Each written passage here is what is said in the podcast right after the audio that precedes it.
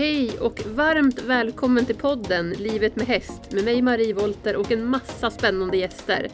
Har du önskemål om innehållet i podden? Kontakta mig via Instagram och Facebook under Stall Volter. Och du hittar podden där poddar finns.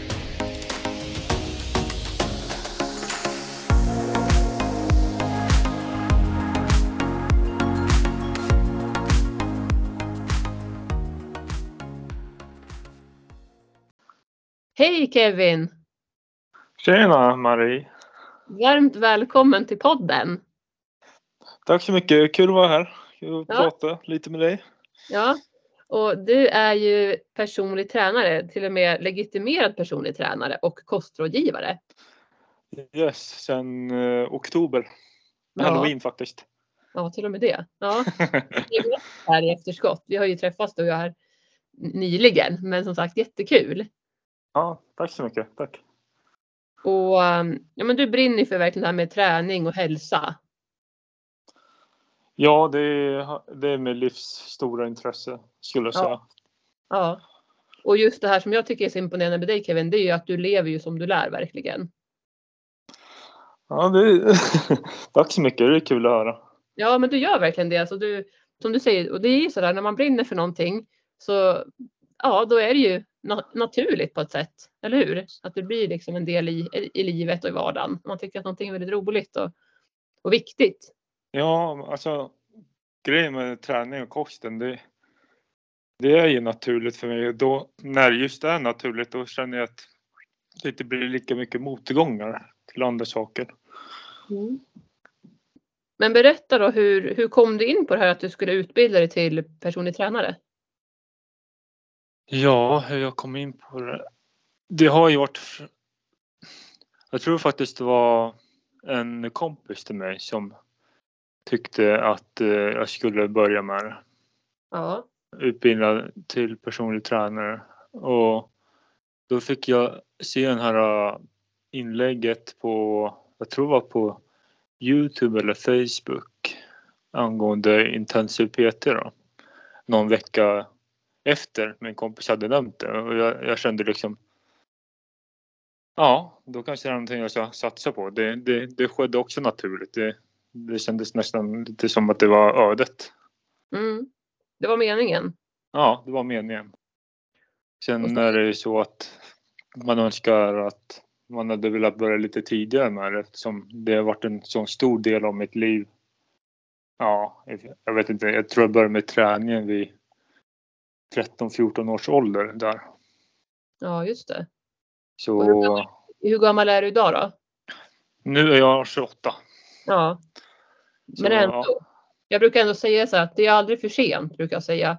nej, Ja. sent att börja och du har ju en, du har ju en, en gedigen kunskap. Jag tänker under de här åren när du började så ung så har ju du lärt dig allt möjligt. absolut. Både vad man ska Absolut. göra, vad man inte ska göra, alltså vad man ska undvika och så vidare. Så att det tänker jag att nu när du verkligen är utbildad och har det på papper så, så kan du ju hjälpa människor, ind, ind, alltså individanpassa. För det tycker jag att du verkar väldigt duktig på också, individanpassa. Ja. ja, men jag tycker det är kul med att hjälpa människor och särskilt kunna anpassa sig själv. Eh, Mm. inom vissa, just nu håller jag på med något som heter calisthenics till exempel. Berätta vad Det det är anpa- ja, eh, nej men det är kroppsträning. Det är, det är lite som eh, gymnastik kan man säga. Man, man tränar inte så mycket med maskiner och fria vikter direkt. Man tränar mest med kroppen.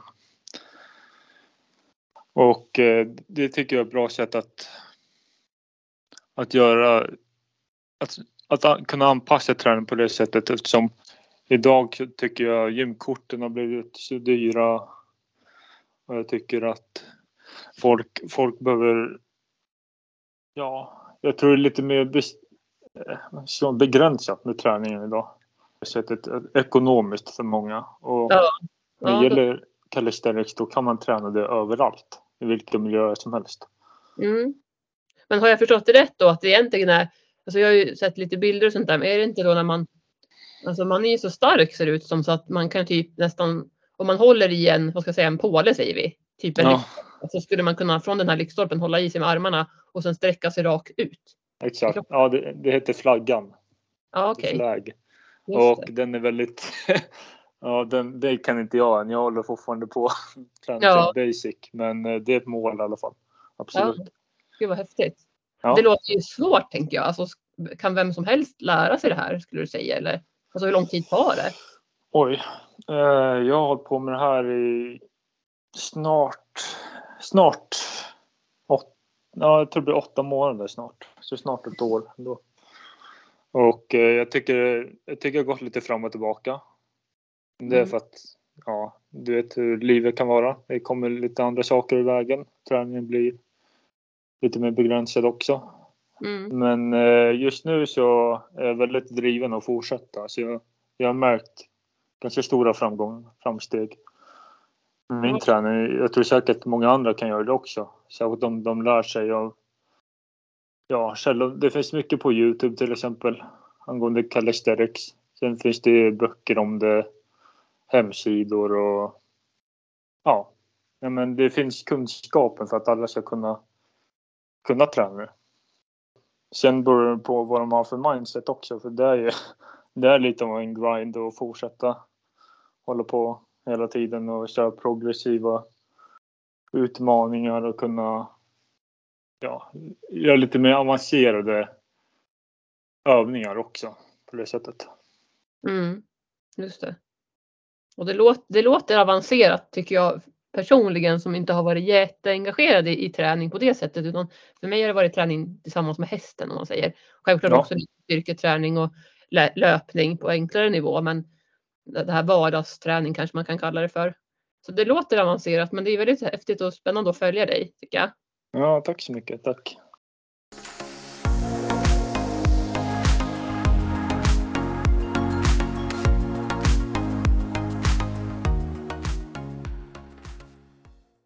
Det här som jag sa, du lever ju verkligen som du lär. Dessutom är ju du utbildad kock också ju. Så du, du har ju en passion för att laga mat. Absolut. Det, Ja. det har jag. Jag tycker matlagning är väldigt kul att göra. Det har jag också hållit på med under en väldigt lång tid. Mm. Ja, det var ju mamma som inspirerade mig i köket och laga mat tillsammans med henne. Sen så, ja. Jag växte in i det ganska snabbt och sen började jag älska matlagning. Sen så utbildade jag mig till kock. Ja. Och du har jobbat som det också jag för mig du har sagt va? Ja, sagt. Det har jag gjort. I Mm. Stockholm i ett tag. Och ehm, det här med, med kost då. Det är ju jätteviktigt för alla människor. Men jag tänker för, för oss hästmänniskor eh, så, Mm. så är ju kosten en viktig del. Men jag vet också att många faktiskt slarvar med kosten. Det är nog många som kan räcka upp handen på den faktiskt, tror jag nog. Eh, för man är i stallet och, och man ska mocka och man ska göra ditten och datten. Det, det är många bollar i luften när man är i stallet och man har, som du säger, också sitt andra liv utöver jobb och kanske familj och sådär som man ska hinna med. Och då är det ju lätt att man kanske har den där kakburken som står i stallet. Jag vet att eh, de som kanske står i inackorderingsstall och har eh, sadelkammaren och eh, ja, men köket, liksom, fikarummet i, i Ja. stallet. Det är lätt att man hänger där och tar en kaka i förbifarten. Kaka till kaffet. Ja. Eller hur? Kaka till kaffet. Och på eftermiddagen när man har den här dippen, man kanske kommer från jobbet och så ska man åka till stallet och mocka. Så tänker jag att det är lätt att man tar den här kakan. Hur tänker du kring, kring kosten då? Hur, har du några tankar där? Alltså det jag lärde mig när jag stod i när jag stod med mamma i köket för många, många, många år sedan och höll på att laga mat tillsammans med henne. Det är att det var kul. Det är kul med matlagning och kul att kunna äta det man, det man vill också. Så jag tycker egentligen det inte ska vara jättestrikt med just kosten. Men samtidigt ska det det ska finnas en balans. Det ska, vara, det ska finnas en frihet med att äta också. Så jag skulle vilja säga ja, det ska vara strikt upp till 80 procent. Sen ska det finnas 20 procent frihet att kunna äta vad man vill. Så att, annars är det inget roligt. Det är så jag upplever det bara. Mm, Jag kan hålla med det du säger. För just det här om man också har massa förbud att nej men jag får inte äta socker till exempel. Jag får inte göra det eller det. då, är, då blir, alltså det kan ju fungera ett tag om man är väldigt målmedveten och har ett mål man vill uppnå, eller liksom att man är fokuserad och motiverad. Men sen så kan det bli lite jobbigt. Liksom, Ja, och hålla i absolut. det här. Och då är det lätt att falla tillbaka och så får man dåligt samvete. Och så hamnar man i den här onda, on- onda spiralen att, nej men, ja, att man känner sig dålig för att man kanske tog en kaka till exempel. Så mm. tycker att det är, helt, det är väldigt sunt att tänka att, att det är inga förbud mot någonting men att man har den här tä- tänket att, att eh, en bra kost i grunden. Ja, absolut. Jag, jag tänker liksom att om man är för strikt, man, är, man är, har gått i månaden och bara ätit, ätit nyttigheter till exempel. Så, och sen plötsligt så tar man en kaka, en ballerina eller någonting till kaffet. Då tror jag ännu enklare att bli ännu mer glupsk och bara äta ännu mer ballerina Ja, på ett sätt. För jag tror inte behärskningen finns där. Som det skulle göra om man har en, ja, både har en frihet och har en strikt kost tillsammans. nej. Nej, jag håller med. Så tänker jag, alltså, grunden ändå i kost ska ju vara att det ska vara varierat och att det ska vara näringsrikt. Hur tänker du Ja. kring det här med näringsrik mat? Hur ska man veta vad som är dessutom näringsrikt då? Innehållsförteckningar hjälper ju såklart. En kompis till mig brukar säga desto kortare innehållsförteckning desto bättre. Mm, det Det, kan man förlita Mm. sig på lite grann.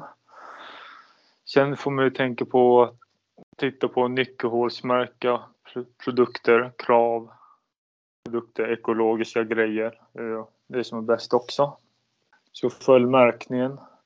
Men eh, just att hålla en bra kost så skulle jag säga att det bästa man kan göra åt det, det är att planera långsiktigt framåt med kosten. Att till exempel göra matlådor. Göra Mm. storkok och göra matlådor så man har mat alla dagar i veckan så man slipper tänka på att ah, jag orkar inte laga mat idag för jag har haft en jobbig dag på jobbet. Jag kanske beställer en pizza för jag är så trött. Mm, just det, klassikern tänker jag. Exakt. Ja, Jag tror det är lätt att falla in på den. Mm. jag kan tänka så här bara att när man säger att man har en stor familj och jag som har tre barn och så. Mm. Kan det vara svårt att göra matlådor för man lagar en stor måltid sen så går det åt. Så det kanske har man, får man lite lunch till dagen efter. Jag, jag som jobbar hemifrån och så där. Så har man tur så finns det mat över. Liksom. Det kan ju vara lite svårare däremot. Ja, det kan det vara. Så då skulle jag... Jag, jag skulle egentligen anpassa hemmet på det sättet att det bara finns att de här lite mer onyttiga, onyttiga grejerna eh, de är lite mindre lättillgängliga till exempel. De, de kanske är, uppe högsta skåpet i skafferiet eller någonting. Att, det Mm. inte, att det inte är i, vad kan man säga, framför ögonen på en hela tiden. Att ha det nyttiga tillgängliga, att det ska vara mer framkomligt än det onyttiga. Skulle jag säga. Ja, ja, för då blir det inte det här att ja, men då hinner man tänka till innan när man sträcker sig. Man kanske tar den där pallen för att Exakt. klättra upp det där skåpet. Då hinner man tänka, ah, men ska jag verkligen ta den där kakan till exempel? Nu Ja, nu är exakt. jag inne på kakor här känner jag. Ja, jo men det är så. Det, Ja. det, det, jag tror det är allas svaghet, är de här kakorna. Ja. Men eh, ja, det, det skulle jag säga att ett, är ett bra tips. Att, att, Mm. att planera långsiktigt framåt. Mm, se till att ha mat hemma och sådär. Det brukar vi försöka tänka på att man, att man handlar, men storhandlar någon gång i veckan. Sen blir det ju ofta att man kompletterar med saker som tar slut när mjölken tar slut eller vad det nu kan vara för någonting eller äggen eller att man liksom Ja, och, åker och handlar. Och det är klart att då är det ju lätt att det slinker med någonting onyttigt ibland. Men som du säger, har man det på, ett, på en plats i köket eller kanske i en garderob, tänkte jag säga. så man, inte, ja, man får tänka ja, till. någon, ja. För det är det som är grejen. Man, man är också som är Folk är ju ganska lata också så de vill inte ta sig, om man vill ha en kaka då vill man inte ha, ta det tar ju energi att äta grejer också eller nå fram till grejer. Allt, allting tar ju energi. Mm. Som om det är uppe i skafferiet till exempel, då måste jag fram med stolen, måste jag huka upp mig och ställa mig på båda fötterna eller ställa mig på tå. Och ja, Det tar extra energi bara för att få den här kakan eller Precis. det onyttiga liksom. Har man till exempel hunnit satt sig i soffan för kvällen så kanske man inte är så lika motiverad till att resa sig upp och gå och hämta det där. Nej, Ja, nej men är verkligen, nej men det, det är bra tankar. Och just det här med storkok, det går ju också att göra, för självklart göra ännu mer mat om man har en stor familj, om man har några barn så där så kan man ju faktiskt också göra och det händer ju ibland förstås att vi får mat över så att man har till dagen efter. Det händer ju ibland också att, vi, att det är så, men, men ofta kan jag uppleva att det är lite svårare att liksom göra storkok och massa matlådor till en hel familj. Men Mm. det är klart att det finns lösningar på det också, framförallt att man blir medveten vad man, vad man äter vad man stoppar i sig. Sen är det klart att det här är svårare också idag när allting är så mycket dyrare. japp. Så. Det är den stora utmaningen faktiskt för, många tror jag. Och där märker jag som jobbar också själv med hälsa att där är ju faktiskt kosttillskott en viktig del för det är ganska komprimerat med näring i dem och där blir det många gånger billigare idag att köpa det än att köpa frukt och grönt tyvärr i affären. Ja. Eh, Så att kosttillskott är väldigt smart. Och tittar man också på, jag har ju sett den här filmen eller dokumentären som heter Sista skörden. Den fanns ju på SVT Play förut och ehm, det, det är ju en, en dokumentär, en svensk faktiskt, där man pratar om att våra jordar är utarmade och att, att jorden där våra grödor växer är, innehåller inte speciellt mycket näring idag. Och i och med Nej. att växterna, det vi, det vi odlar, tar, tas upp, alltså näringen då i det vi odlar tas ju upp ur jorden. Är då jorden utarmad och det inte finns någon näring där så finns det heller ingen näring i våra grönsaker till exempel. Det är en utmaning idag och framåt att få den här näringen. Så, så jag, jag förespråkar kosttillskott. Och vad säger du där om det Kevin? Om kosttillskott?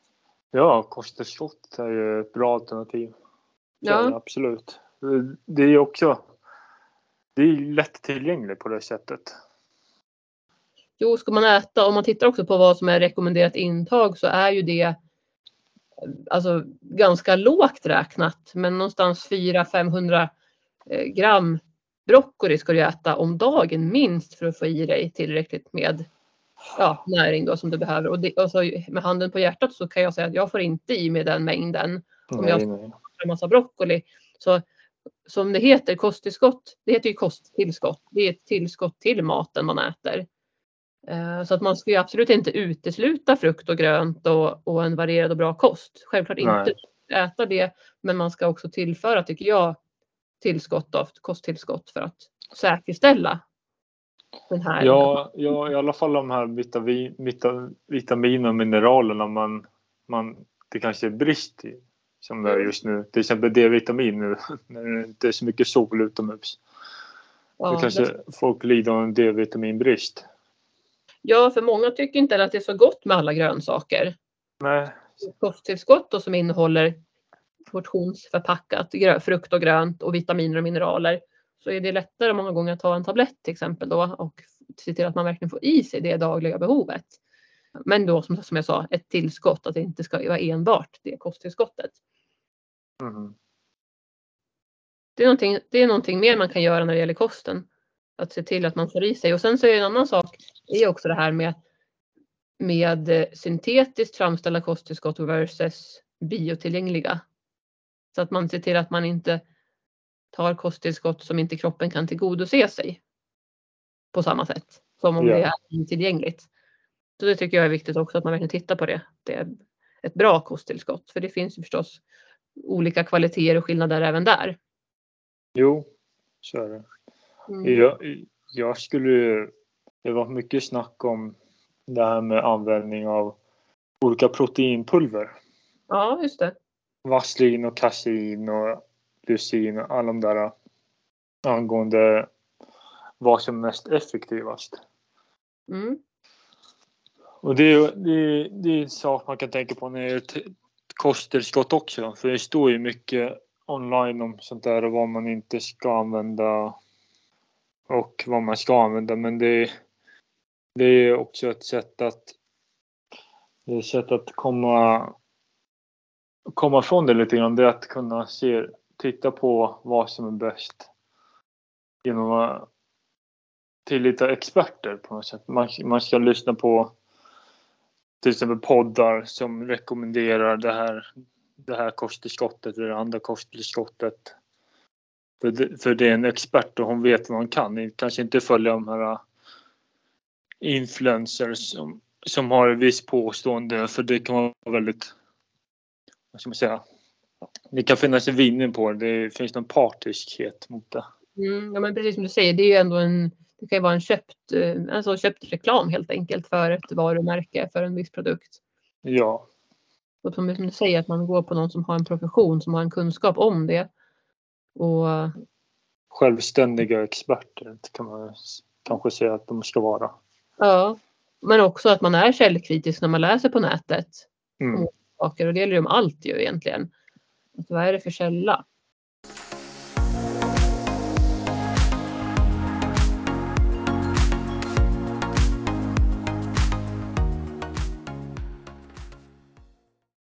Långsiktigt och allsidigt ska det nog vara. Det ska vara varierat.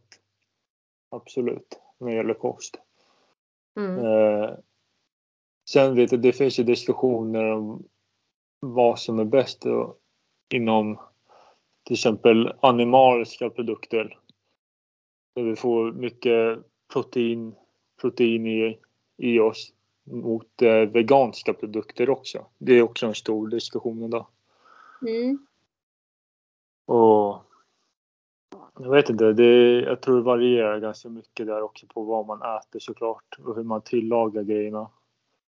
För till skillnad från de animaliska produkterna som innehåller naturligt mer protein och aminosyror så måste man ha mer varierat kost när det gäller baljväxter och spannmål om man är vegansk. Om man äter vegansk kost.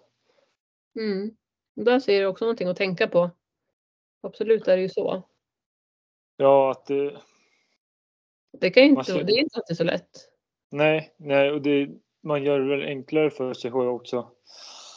Att tänka på att ha den här varieringen. Man ska äta lite kött men samtidigt äta grönsaker till också.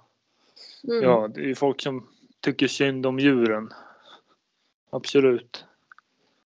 Och hur, hur, hur köttindustrin är. Mm. Men man måste också tänka på sin egna hälsa på det sättet. Att, att kunna äta det, man, det som finns tillgängligt egentligen. Mm.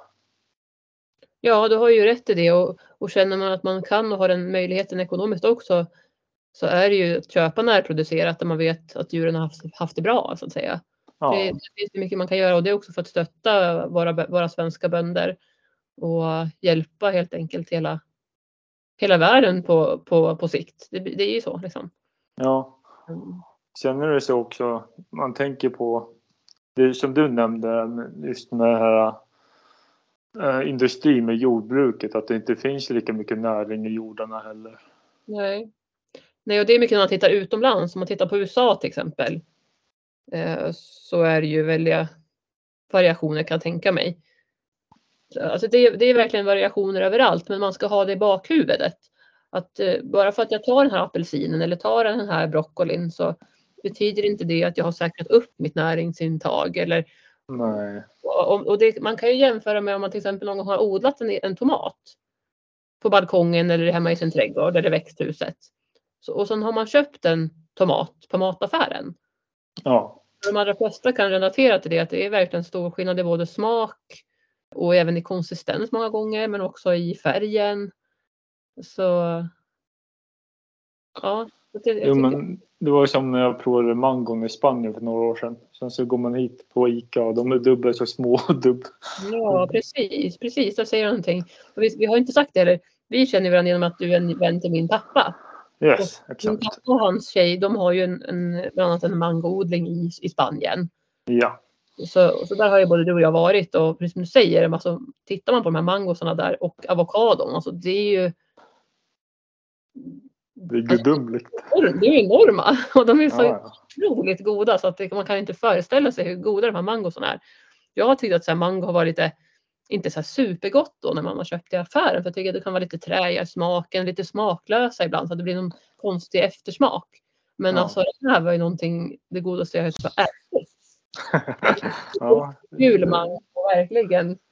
Så ja, har man möjligheten att kunna åka liksom och, ja, och köpa frukt där det är odlat och ekolog, ja. ekologiskt odlat för de har ju verkligen inga bekämpningsmedel eller någonting. Nej.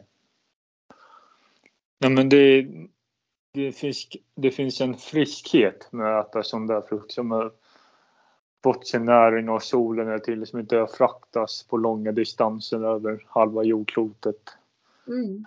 Att man, man, man, märker att frukten, frukten mår bra och då mår jag bra när jag äter den också. Mm. Mm. Sen är det här viktigt att tänka på det där med just när vi är på ämnet med frukt och grönsaker att ja, det är frukt och grönsaker innehåller jättemycket vitaminer och mineraler. Det är jättebra. Men många frukter det innehåller inte de här kalorierna man ska få i sig vardagligen för att mm. kunna ja, ha energin och kämpa på med träning till exempel eller gå till jobbet. Det kan vara lite allt möjligt. Så det är energifattigt på det sättet.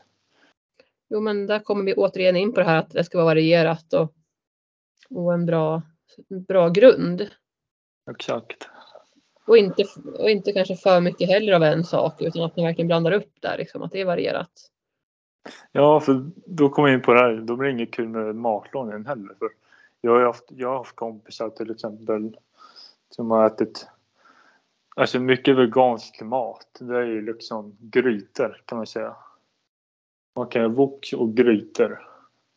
Man gör sallader också men att det blir matlagning, den kanske inte är lika rolig som, en, som den en gång var när man kanske hade lite mer varierad kost också. Mm. Man kunde göra en vegansk gryta sen kunde man göra en fin kött stroganoff, beef bourguignon liksom nästa dag. Ja. Man ska ha varierat, för då är det mycket roligare att laga mat, tycker jag. Mm, men det har du helt rätt i. Det finns ju fördelar med det med, att det blir roligare. Man kan göra det mer varierat. Ja. Någonting som jag också har lärt mig nu som jag håller på när jag har utbildat mig inom det jag jobbar med är ju att eh, fibrer är ju också så otroligt viktigt att tillföra kroppen och många gånger får vi också även i oss väldigt för lite fibrer. Ja. Så om vi återigen kommer in på frukt och grönt så är det en väldigt bra så här, fiberkälla. Exakt. Och då är det jättebra. Det, det är det här nyckelhålsmärket är till för. Precis. Fullkorn och fiber, det är produkter som, ja. Nyckelhålsmarkering det betyder att det är mer fullkorn och fiber i produkten. Mm. Och eftersom vi svenskar äter så lite utav det så borde vi hålla extra koll på det, tycker jag. Ja. Mm. Det, det, är viktigt. Men det finns mycket man kan göra, man kan titta på och, och ta hjälp av de som kan. Liksom. Ja, absolut. Sen ta, om, man, om man brinner för någon kost eller brinner för näring och hälsa eller allt sånt där. Det finns mycket bra böcker också som man kan läsa för att få reda på mer. Mm. Och sen de poddarna. Och sen så, ja, så det finns ju tillgång till allting. Det finns via poddar, det finns via böcker, det finns på tv-program som du nyss nämnde. Det är, inte, det är inte så svårt att få ta på info. Man måste bara vara källkritisk till den. Precis, du har helt rätt där. Om vi kommer tillbaka till träning då? Ja. Hur, hur ska man, alltså jag tänker så här, när man är hästtjej eller kille, man är mycket i stallet och man kanske inte alltid rider. Det kan ju vara olika grenar inom, inom hästvärlden som man ägnar sig åt. Det kan ju vara körning och det kan vara allt möjligt. Eh, hur, alltså hur ska man tänka? För att jag vet ju att det är ju viktigt med en bra fysik, att man har orken. Mm. För vi tar ju hand om hästarna så himla mycket och ser till att de har det bra. Att de är starka, pigga, friska. Jag tänker detsamma ska gälla oss. Nu har vi pratat om kosten men också det här med träningen då. att Träningen för människan. Den är ju viktig har jag lärt mig. Den är minst lika viktig skulle jag säga som kosten är. Ja, eller hur? Hur tänker du där då? Hur, hur, hur, hur ska man välja en träningsform som man, man gillar? För det är också någonting som jag tycker är viktigt och som jag testar lite olika saker att allting gillar inte jag att göra helt ärligt med handen på hjärtat. Om det ska vara lång, långvarigt så, så måste man ju gilla det, eller hur? Den, den träning man ägnar sig åt. Jo, så är det för mig också. Jag har inte gillat all form av träning heller. Det är vissa grejer man gillar, vissa grejer man lite mer emot för. Mm. Och du tränar ju mycket utomhus till exempel. Du gör ju varierat också förstås, men och, och mycket egen kroppsvikt om jag förstått det rätt, eller hur? Exakt. Jag, jag, jag tycker det är kul att kunna vara att kunna ha den friheten att kunna träna vart som helst. Att man inte har något gymkort eller, eller tillgång till utgym heller. Att det ska finnas en frihet med det. Det ska finnas Det- en möjlighet för alla att kunna träna kan man väl säga. Ja, så, för där har man, inga, där har man egentligen inga ursäkter. Okej, jag kanske inte har ett utegym nära mig. Det, det fattar man. Men jag kanske inte har råd med att gå på Sats en månad eller måste kanske skära ner på träningen bara för att försörja min familj och köpa mat till, till mig och familjen. Så där tycker jag att när det kommer till att kunna träna vart som helst, då har man egentligen ursäkter för att inte göra det. Förutom sitt mindset. Så, Mm. Där ser jag en annan viktig sak, mindsetet. Det är ju en annan sak som man också kan behöva träna ibland. ab- absolut, det Ja. behöver jag också träna på då och då. Det är så här ständ, ständigt eh, att träna sitt mindset. Det är mycket vi ska träna på, det är mycket vi ska behärska. Men, men man, någonstans får man börja, börja på en nivå som passar var och en, tänker jag. Ja, alltså Mm. vara individanpassad träning. Det som passar just dig. Ska det. Ja. Sen när det kommer till träning så har jag alltid tänkt att man ska inte tänka för mycket på det. Man ska bara göra det istället. Så man inte kommer på massor med ursäkter och så går, går minuterna. Sen så kanske man kommer på andra grejer man kan man hellre göra istället för att ja, springa fem kilometer kanske stanna hemma och titta på TV eller någonting sådär. Så Mm. att, att bara göra det, ha det där mindsetet. Mm. Jag brukar tänka så i mitt jobb, att jag har den där gör det nu-knappen. Ja, Man trycker på en knapp typ på bröstet eller vad det nu kan vara. Alltså nu gör man ju inte det fysiskt, men att man har den i, ta- i tanken liksom att jag gör det nu. Jag skjuter inte upp saker. nej. Nej, det, det har väl du användning för som egen företagare också. Ja, verkligen. Väldigt mycket. Det är mycket självdisciplin, självledarskap. Mm. Och det är ju samma med träningen också. Det är ju lite självledarskap där med. Att för att få träningen gjord så Ja. behöver man som du säger ha den här inställningen att jag gör det nu, jag skjuter inte upp det. För man kan ju komma på alla möjliga ursäkter. Det kan ju både du och jag och alla möjliga. Alltså Ja, alla ja. Att jag borde laga mat, jag borde tvätta, jag borde träffa en kompis eller jag borde verkligen vila nu.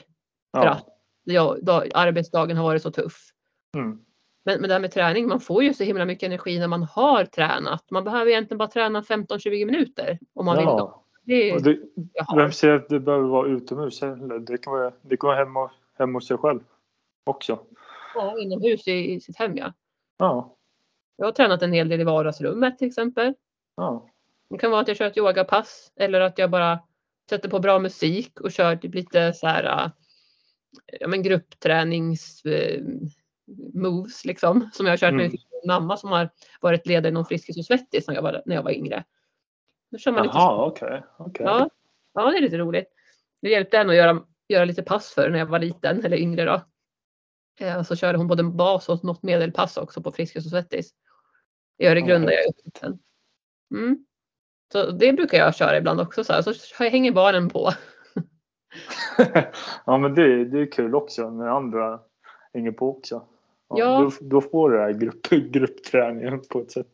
Ja men faktiskt, då får man sin egen lilla grupp liksom. Ja, jo. Ja, men som du säger så det behöver ju inte vara utomhus. Det kan ju faktiskt vara inne.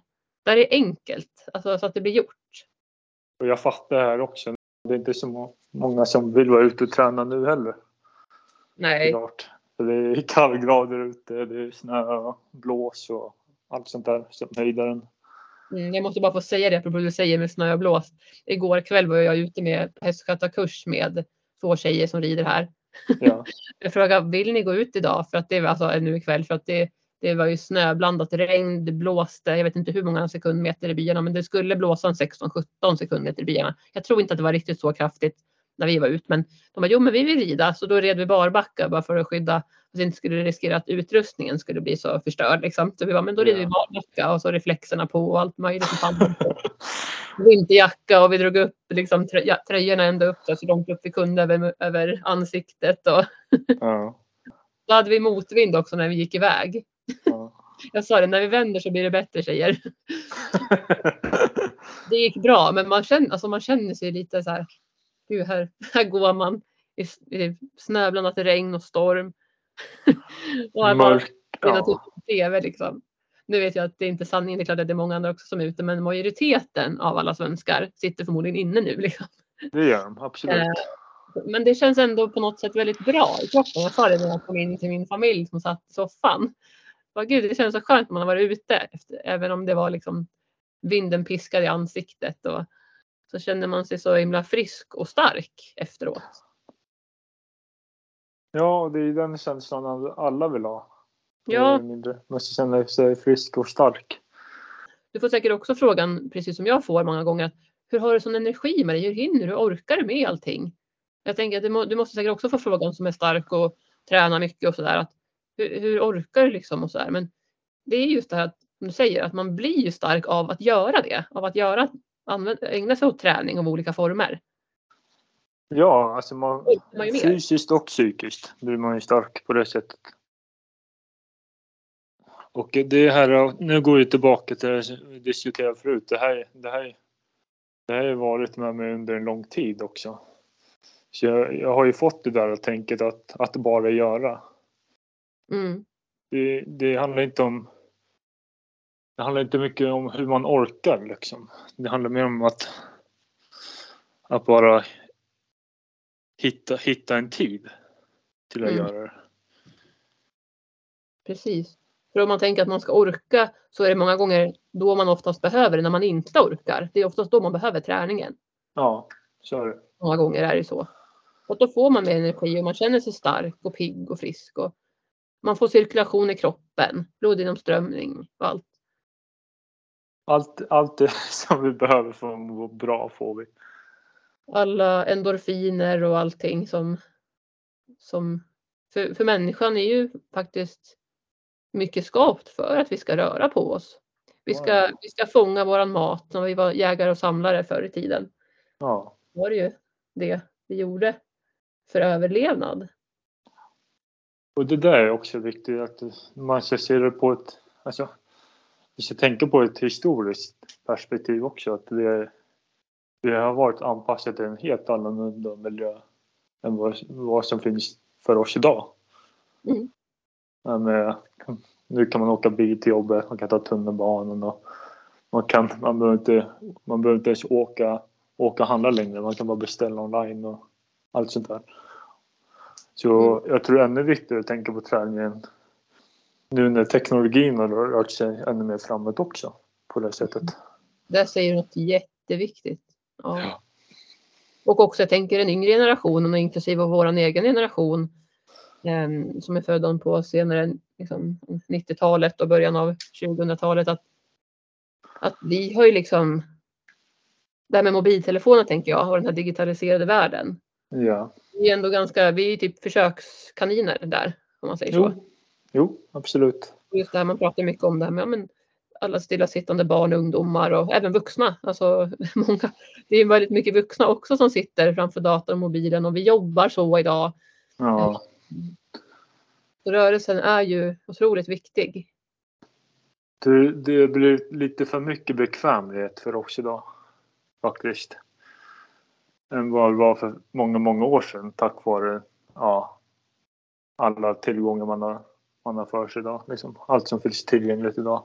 Så har vi blivit lite för bekväma. Det låter, låter kanske konstigt men jag tror att det är så i alla fall.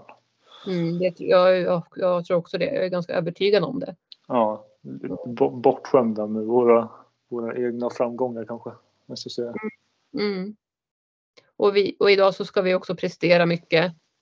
Ehm, man ska göra karriär och ja, allt liksom som, som som det innebär i dagens samhälle mer eller mindre i alla fall. Och, och det gör ju att vi fokuserar mycket på jobb till exempel eller och, och sen också det här som jag ser många gånger att man som förälder lägger väldigt mycket tid på sina barns aktiviteter och det är jättebra för absolut, barnen ska ju ut och ha aktiviteter och röra på sig och vara med och ha en sammanhang, en gemenskap.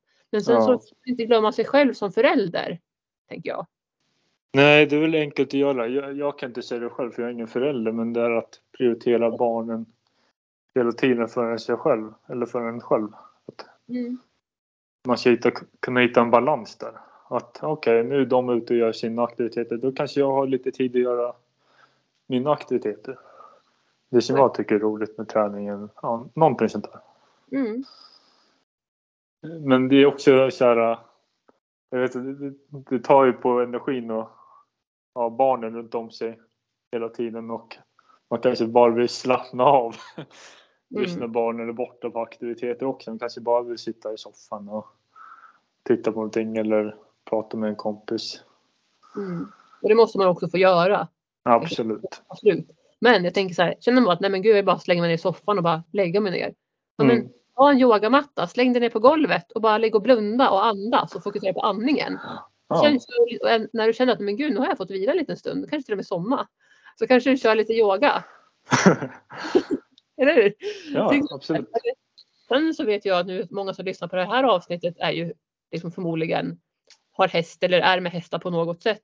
Och ofta så är man ganska aktiv då. Eh, när man är med hästar. Liksom att man är van att vara ute med hästarna och man rör på sig och sådär. Men självklart så är det väldigt individuellt det med tänker jag. Och man, man får ju ändå den här vardagsmotionen när man är i stallet. Till stor del. Ja. Och det, och det är ju jätteviktigt och, och väldigt bra att man får den. Som precis som vi har pratat om. Att eh, det stärker en. Men jag kommer ihåg det du sa när jag var när jag besökte dig och så fick jag vara ute och hålla på med hästarna och stallet. Det var ju, du, har ju, du har ju kurser inom ridning till exempel. Mm. Och då, då, då sa ju du att det inte är lika många som rider så här års jämfört med det börjar på sommaren. Att det, det är de här de som verkligen gillar hästar och älskar ridning. Det är de som gör det året om hela tiden. Eller Mm. året runt. Ja, Så att det kanske är så att folk Folk kanske är lite mer lata så här års liksom. Alltså man blir lite mer bekväm för att det är kallt och det är lite jobbigare och, och måste man inte så är det klart att det är väl lättare att, in, att välja någonting annat, kanske en annan sport eller, eller, eller någonting annat så för att ja, men man är ju utomhus och som man brukar säga det finns inget dåligt väder, bara dåliga kläder. Apropå det igår när jag var ute med tjejerna och red ja, i, i snöstorm liksom. Så absolut är det väl så. Jag kan känna att det måste ju vara en får göra precis som man själv vill. Men, men för mig som har haft häst sedan jag var liten och i stort sett inte kan någonting annat, det är ju en livsstil. ja. Eh, så skulle jag aldrig välja bort hästarna oavsett årstid liksom. Utan det, det är ju, man bara gör det. Man tar hand om sina hästar och man gör det och man gör det för sin egen hälsa också för den delen. Sen är det jätteviktigt med återhämtningen som jag sagt där. Att bara lägga sig ner på en yogamatta eller bara lägga sig ner i soffan och titta på en film och, och så. ja. Mm. ja lat, det var inte ordet jag sökte där. Det var det, det du säger liksom att man väljer annat framför, Mm. framför hästarna eller, eller någonting, en annan aktivitet också. Man ska ha Ja. lite, Mm. lite, lite mer val. Jo, men det är en så prioriteringsfråga många gånger också förstås. Men, men det är lätt att bli lite bekväm den här årstiden och det gäller väl även många alltså, alltså häst eh, som har egen häst också att man väljer kanske inte alltid att vara ute när det är snöstorm. Eh, men det är det som också är bra med mina lektioner när jag har det för att då, då blir man också tvungen till att gå ut. Jag kanske hade va- inte valt att gå ut igår om jag inte hade haft en lektion. Så att det är klart att det ska inte liksom ver- verka bäst i världen här inte utan liksom, det vill jag inte på något sätt att man ska tro men att, Nej, att eh, ja, men, du gör bara ditt jobb. Också. jag gör mitt jobb och, och barnen får många gånger välja vad de vill göra. Hästar är ett bra sätt att komma ut i naturen, punkt. Ja, det är säkert det bästa sättet. En av de bästa sätten att komma ut i naturen.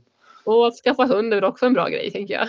Jo, Men där, där ser jag många som bara går in. De tar en fem minuters promenad med hunden, sen går de in igen. Ja, det är sant. Det Ja. kan man inte göra med en häst. Nej, alltså kan, kan man, men många gånger så Ja. är det mer, mer det är mycket förberedande saker också innan man tar ger sig iväg ut. Och Ja. framförallt i årstiden också när man ska på med reflexer och sånt när man ska ut. Eh, Och sadlar upp och ja. Ja, precis. Man ska borsta och man ska fixa med allting. Men det är då man, man också kan känna liksom när man har gjort alla de här grejerna. Man, man har borstat hästen och sadlat upp hästen och fixat till eh, stallet. Det är då man känner, ah, men nu, nu kanske det är värt för mig att gå ut och vara ute en timme med hästen och gå på en promenad eftersom jag har gjort så mycket arbete innan. Mm. Ja, men där du också en viktig sak och det kan man relatera till allt möjligt. När man, när man har gjort någonting, eh, liksom det här först, tagit det här första steget så blir det mycket lättare sen med resten. För det är ju Ja. det, är, det är de här förberedelserna oftast, eller bara tänka att "Nej, men nu ska jag träna. Som kan vara nästan vara det jobbigaste, att ta sig till träningen. Liksom, ta sig till att stå red, startklar och börja träna. ja, Oftast är den processen den jobbigaste många gånger. Då har man tagit sig förbi det och står där redo, men då är det bara att köra. Liksom. Då finns det ingen utväg. Nej, jag kan känna det också. För jag som har upplevt så grupp, gruppträningspass, det är populärt nu för tiden. Mm.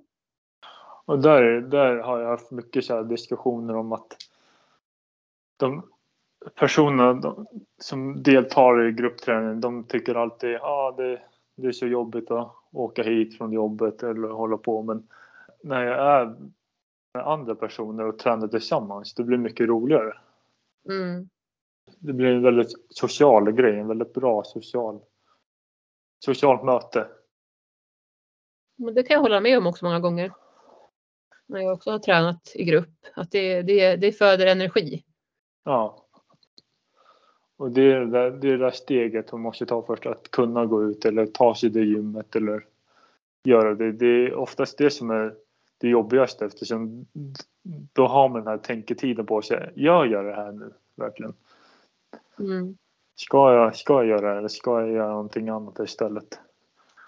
För, för när man väl är i en miljö, alltså på gymmet eller utomhus eller ute, utegym, då är det ju det är mycket enklare att komma igång på det sättet.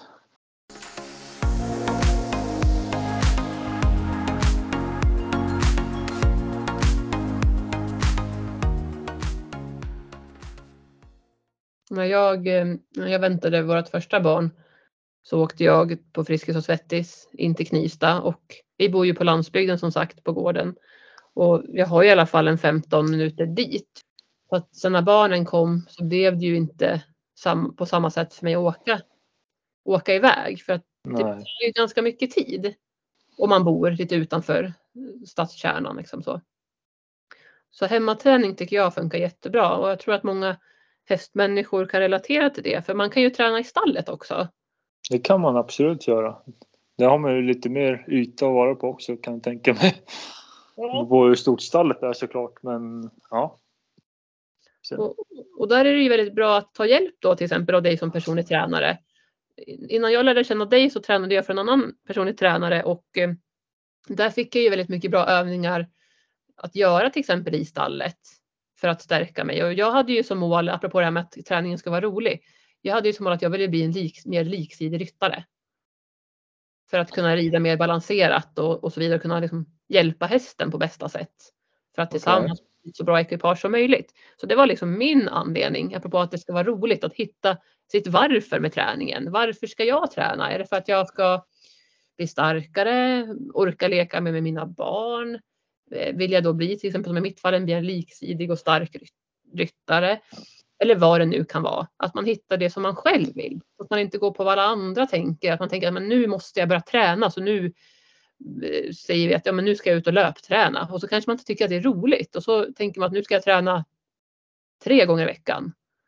Och sen så kanske det inte blir tre gånger i veckan, man kanske gör det en gång i veckan och så står man på sig själv och tycker att nej, men, det här gick ju inget bra, vad dålig jag är och så blir man negativa tankarna som Ja. bara blir negativt i längden. Alltså det, eller ganska snabbt kan det bli negativt. jo. Och sen kanske man slutar. Alla vet ju Ja. de här nyårslöftena som, man, som vi, som vi liksom sätter för oss själva att nu ska jag bli stark och nu ska Men att Så där tycker jag att det är viktigt att ha något varför. Var, var realistisk med ditt mål också. Det ska du också Ja. säga en stor grej. Du Ja, kanske ja. inte ska gå på nyår och tänka att du ska ja, bänka 100 kilo och ta en knäböj på 110 kilo typ en månad framåt. Man, ska, man ska vara realistisk med det man vill egentligen. Mm, eller som det här träna tre gånger i veckan. Det kanske ska vara en gång i veckan till att börja med för att det ska bli gjort. Självklart, individuell- nu säger inte jag att det behöver vara en gång i veckan, men att man anpassar efter sig själv. Och där är det ju bra att ta en hjälp av en personlig tränare som kan säga att det här behöver du. Och sen så kan man tillsammans titta över sitt schema och, och lägga en, en bra grund. Och sen så kan man öka på vart efter man blir starkare. För både kondition och men styrka också, men framförallt kondition går ju ändå ganska snabbt att träna upp faktiskt. Det är det här med träning. När jag tränar kondition till exempel. Jag tycker det är lite mer av en färskvara än just styrketräning. Mm, så är det. Samtidigt så tycker jag ändå att eh, många tänker alltid si eller så. För jag ser många på, på gymmet till exempel. De, de kör ju bara ja, vad ska man säga, baslyften, alltså arm... Vad ska man säga? Det är bänkpress, det är knäböj, det är marklyft. Och sen så rör man övar på rörligheten på ett annat sätt. Men man får inte så mycket kondition i det heller. Det blir alltid styrketräning eller, eller kondition. Inte både och. Nej, just det. Och det tycker jag också är viktigt, att man måste ha både och. För man måste tänka på styrka men även kunna vara rörlig av sig. Återigen, som vi sa med kosten, att det ska vara varierat med träningen också. Absolut, det ska det vara. Och det är också man tänker på skador och sånt så tänker jag det kan också vara ganska vanligt ändå om man, om man går all in på någonting, säg löpning och så tänker man att man ska springa jättelångt och jätteofta. Ja, Eh, Då är det också risk att man drar på sig skador. Så att man stärker upp kroppen långsamt. Eller, Ja, men det ska inte vara ensidigt för det, det kan skapa förslitningsskador också. Absolut, Mm. om man anstränger sig för mycket, för mycket repetitioner, för höga belastningar, för höga volymer. Det där, det, där, det där är ett recept för framtida skador egentligen. mm, just det. Ja, att kunna variera så mycket man kan egentligen. Det är Mm. viktiga. Och det, det är säkert det roligare också eftersom man, man blir inte lika trött på träning lika snabbt heller. Har du några konkreta tips då för, ska vi ta mig som ett exempel, för en person som är eh, hästmänniska eller ryttare då? Finns det någon tips? Vad, vad, vad, kan man, vad skulle man kunna göra? Eller tänka på kanske vi ska säga, tänka på i, i vardagen. Ja, alltså. Du som ryttare, du arbetar ju mycket med kroppen hela tiden. Ja. Så det gäller att ha en bra ergonomi och veta hur man lyfter. För att göra det så bekvämt. För det, är- det är ett jobb. Det, det må ju vara en hobby men det är också ett jobb. Det du håller på med. Mm. Så där gäller det att vara bekväm med det. Så mycket man kan. Vad jag, jag skulle rekommendera till dig det är att titta upp de här äh, hur man, hur man till exempel håller en bra ergonomi, en bra hållning hela tiden det man lyfter och att kunna jobba progressivt på det. Var ergonomisk och hitta på anpassa din rörlighet till jobbet. Att vara så rörlig, rörlig du kan egentligen. Och där finns det bra metoder.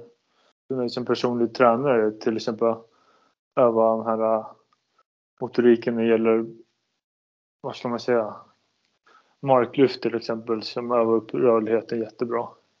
Knäböj, all, allt sånt där. Det är jättebra för din rörlighet.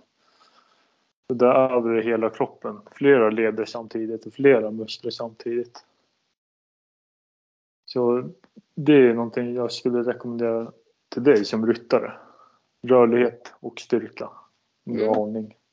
Mm, ja, men det är bra, jättebra tips. Och som sagt, som du säger, när man lyfter saker, att man tänker på att man verkligen använder rätt muskler och inte lyfter med ryggen och det här. När du var hos mig här bara för ett tag sedan så då åkte vi och köpte torv. Ja. Du Ja. med övningar till exempel Ja. där. Hur man kan göra. Så vi kan väl lägga upp det tänker jag. Jag kan lägga upp det på, på Instagram och Facebook. Ja, absolut. Gör det. Lite grann Där finns det lite bra tips till alla häst, Mm. hästpersoner ute. Mm. Och sen är det klart som du sagt att det är väldigt individ, alltså individanpassat får man ju tänka på. Liksom. För själv, man, alla människor kan ju ha lite olika snedheter och kroppsdelar som Ja. man behöver stärka upp eller man, man kanske har för detta skador. För det vet jag också är någonting som du tycker är väldigt intressant att hjälpa människor som har vissa problem alltså med olika saker. Jo, jo absolut.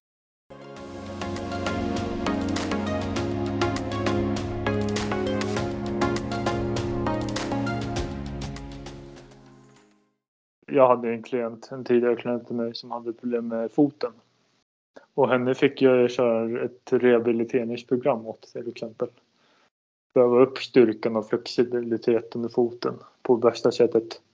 Eftersom det, det fan, hon, hon upplevde ju att träningen blev begränsad på det sättet. Och det är jätteviktigt. Kunna hitta att det ska vara indivi- individuellt anpassat. Mm, nej men, ja, det är ju verkligen viktigt ju för att man kan ju liksom inte tänka att alla personer är likadana. Och det är ju som Nej, jag upplevt, man har gått till exempel och tränat själv på gym eller på gruppträningspass eller trä, löptränat själv utan någon med pro- professionella kunskaper så att säga så, så är det ju lätt att man gör lite fel, att man drar på sig skador eller eh, an, gör, alltså gör övningarna fel och sådär. Så att jag, jag vill verkligen tipsa med, från, från mitt hjärta att ta hjälp av någon som är kunnig. Mm. Och, och i och med, som vi har sagt också, det ska man tänka på om man har friskvårdsbidrag och sådana saker som man kan utnyttja för att få hjälp. Eller kunna ta hjälp. Och sen så kanske man också ibland kan ta någon, någon PT-timme. Man kanske inte behöver köra jätte, jättemånga pass så att det blir jättekostsamt utan att man faktiskt Nej, kan nej. titta på, på vissa saker som man specifikt, om man har något specifikt som man vill få hjälp inom. Någon specifik övning eller vad som helst. Jag vet inte. Ja, men hitta, försöka hitta två pass i veckan i alla fall. Ha, ha det som ett mål. Liksom. Om, du kom, om du kommer från träning, du, du kanske till och med har haft en paus i träningen under en lång tid eller så är du helt ny inom träning. Försök att hitta två pass i veckan. Men kanske vara en timme långa. En halvtimme långa.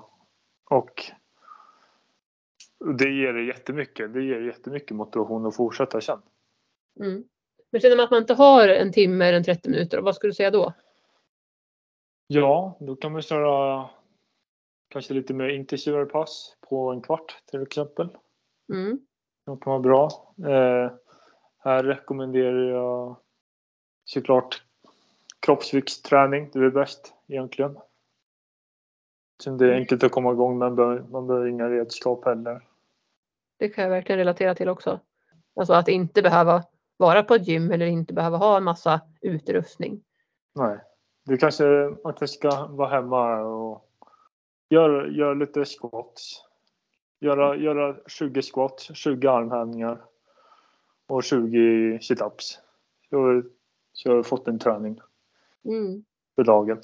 Och då är det i alla fall någonting istället för ingenting. Ja men precis som du säger.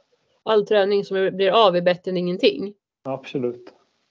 Men du Kevin, nu, alltså vi har pratat i typ en timme här så att eh, vi skulle nog kunna prata några timmar till tror jag. För att det här är verkligen så himla roligt och så himla viktigt. Och det finns så mycket att säga och verkligen grotta ner sig i. Eh, ja, det är väldigt stora ämnen man tar upp och väldigt roliga ämnen. Så Ja. enkelt att tiden går snabbt. Ja, verkligen. Men jag tänker så här då att vi kan ju spela in ett efterföljande avsnitt och eh, är det så att de som lyssnar har frågor, någonting de vill diskutera eller bara undrar över så går det jättebra att höra av sig till dig direkt. Hur når man dig bäst? Nu finns jag, jag är mest tillgänglig på Instagram. Mm. Eh, Fixa och Flexa heter jag. Sen så är jag också tillgänglig på Facebook och min eh, gmail på kevdal95 gmail.com. Vad bra. Ja, det, det är där jag är mest tillgänglig. Ja, jag länkar till det i, i beskrivningen här så, så hittar man. Ja, Skriver dina kontaktuppgifter. Och sen går det självklart också att kontakta mig på Stallvolter om man vill ha, om man har med frågor och sånt där som, är- som man vill att, man, att vi ska ta upp i ett kommande avsnitt. För vi kan säkert spela in något mer. Uh, ja, det, jag ser fram emot att spela in mer. Det var jättekul. Ja, och nu har vi inte kommit in jättemycket på exakt specifikt. Det är ganska allmänt kring kost och träning. Uh, så jag tänker man kan ju skrotta ner sig mer i vad, träning för ryttare liksom. Så att det kan ju vara att man har frågor. Men, så jag vill tacka så jättemycket Kevin för att du har varit med i podden. Tack så mycket. Det var, var en rolig upplevelse att vara med på första podden. Ja, just det. Det var ju första podd. Ja. Första podden. Nu är det gjort. Ja, nu är det gjort. Check på den så att säga. ja, jättekul att prata med dig. Ja, detsamma. Tack så jättemycket. Tack. Ha det så bra. Hej då.